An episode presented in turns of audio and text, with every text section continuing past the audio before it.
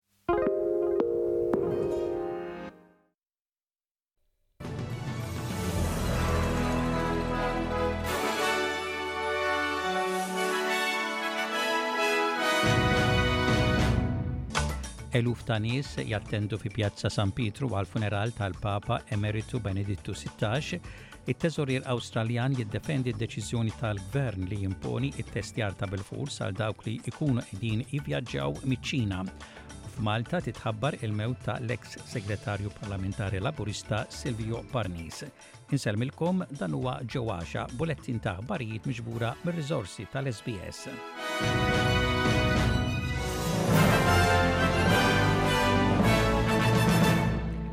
Eluf ta' nies attendew fi Pjazza San Pietru lbieraħ għall-funeral tal-Papa Emeritu Benedittu Sittax.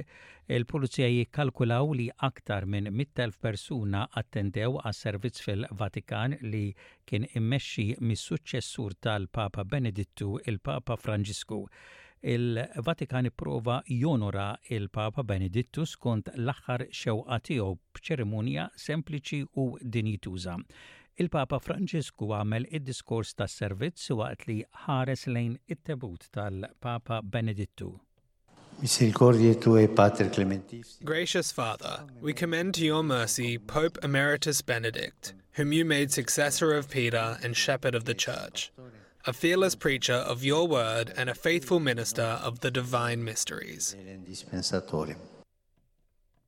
Teżorier Awstraljan Jim Chalmers iddefenda d-deċiżjoni tal-Gvern li jimponi t-testjar ta' bilfors għal dawk li jkunu qegħdin jivvjaġġaw miċ-Ċina għall-Awstralja wara nuqqas ta' qbil mal-koalizzjoni.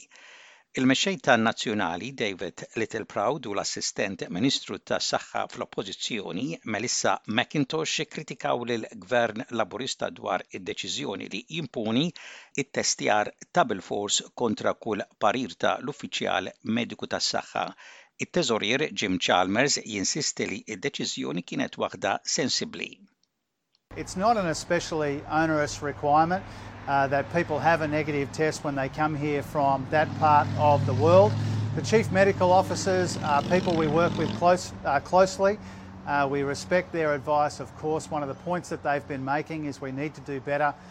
when it comes to surveillance of people coming to the country. Uh, there is an element of uncertainty about the data coming out of China. So, for all of those reasons, Uh, we've taken this decision out of an abundance of caution consistent with what's happening around the world in other countries with which we compare ourselves.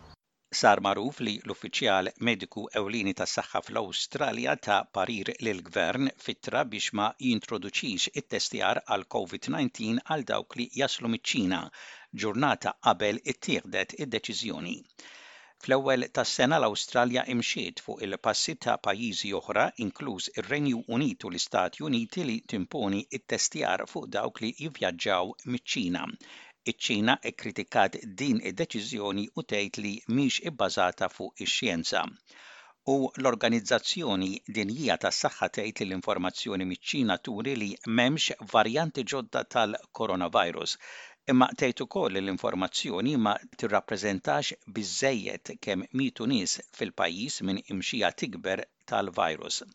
Id-Direttur ta' l-Emerġenza ta' l-Organizzazzjoni Dinjija tas-Saħħa, Mike Ryan ikkummenta dwar dan wara li ħarġet l-informazzjoni miċ-Ċentru Ċiniż għal Kontrollu il-Prevenzjoni tal-Mard.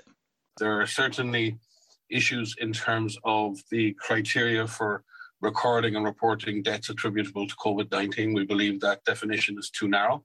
which requires respiratory failure in association with COVID 19 to be registered as a COVID related death. We believe that the, the current numbers being, being published from, from China underrepresent the true impact of the disease in terms of hospital admissions, in terms of uh, ICU admissions, and particularly in terms of deaths. F'Malta tħabbret il-mewt tal-eks Segretarju Parlamentari Laburista Malti Silvio Parnis li kellu 57 sena. Il-Partit Laburista ħabbar dan fi stqarrija fejn iddeskriva lil Parnis bħala politiku ta' qalb tajba li dejjem baqa' viċin in-nies. Parnis serva bħala Membru Parlamentari Laburista bejn l-1998 u s-sena 2022. Bejn is-sena 2017 u 2020 huwa serva bħala Segretarju Parlamentari tal-Gvern Lokali u l-Komunità u bejn Jannar u Novembru tas-sena 2020 serva bħala Segretarju Parlamentari ta' l-Anzjanità Attiva u l-Persuni b'Diżabilità. Bosta membri mill-Partit Laburista u Nazzjonalista kif ukoll l-Uffiċċju ta' l-Ispeaker Anġlu Farrugia sellmu l-memorja ta' Parnis. Il-prezzijiet tad-djar fl-Awstralja komplew jonqsu wara tnaqqis ta' 1.1 fil-mija f'Diċembru. Informazzjoni minn CoreLogic turi li t-tnaqqis fil-prezzijiet tad-djar jammonta għal total ta' 5.3 fil-mija fi tnax-il xahar. It-tnaqqis sinifikanti f'Diċembru kien segwit minn xi xhur ta' tnaqqis moderat f'Settembru u Novembru. L-ekonomista ta' PropTrack, Anne Flaherty tgħid li t-tnaqqis fil-prezzijiet tad-djar seħħ f'kull belt fl-Awstralja f'Diċembru, bl-akbar tnaqqis kien f'Canberra. The main reason prices are moving down is because of interest rates. So we've had eight consecutive rate rises, and for the average buyer, their borrowing capacity is actually decreased by 25%. And you know what? We potentially are going to see a couple more interest rate rises this year, so that will further curtail how much buyers can borrow. Is-sena li għadna kemm bdejna se tkun sena iebsa aktar minn dik li għadna kemm spiċċajna f'dak li għandu x'jaqsam ma' l-ekonomija skont id-Direttur Maniġerjali tal-Fond Monetarju Internazzjonali Kristalina Georgieva. Hija qalet dan fuq CBS u dan minħabba t-tliet ekonomiji kbar ta' l-Istati Uniti, l-Unjoni Ewropea u ċ-Ċina li qegħdin jonqsu. For most of the world economy, this is going to be a tough year, tougher than the year we leave behind. Why? because the three big economies, US, EU, China, are all slowing down simultaneously. Uh, the US is most resilient. The US may avoid a recession. The EU, very severely hit by the war in uh, uh, Ukraine.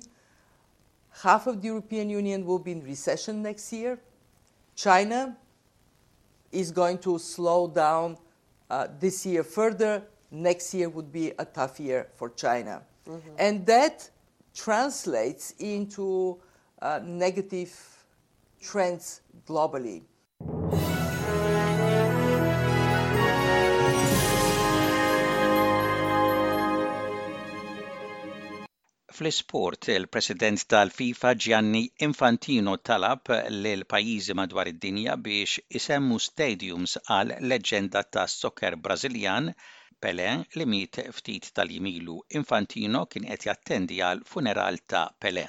Vamos a a pedir a todas as federaciones en el mundo entero. We're going to ask all federations all over the world, 211 countries, to name a stadium in every country in the world after Pelé, because I think that youth all over the world, future generations, have to know and remember who Pelé was and the joy that Pelé brought to the world.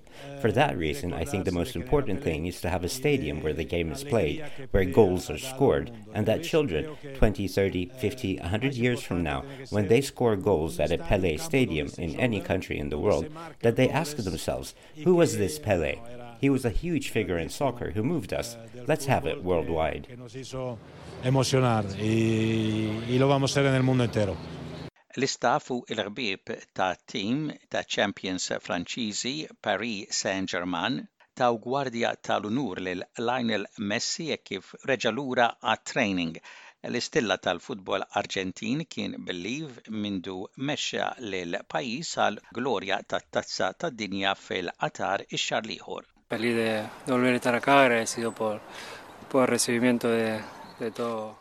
I'm very glad to be back here and I am touched by the welcome from all my teammates and the staff. So I am happy to be back and I am ready for everything that is to come. It is true that I have been resting for a few days, but now I am resuming work with my teammates so that when the coach says I need to get back on the pitch, I am ready.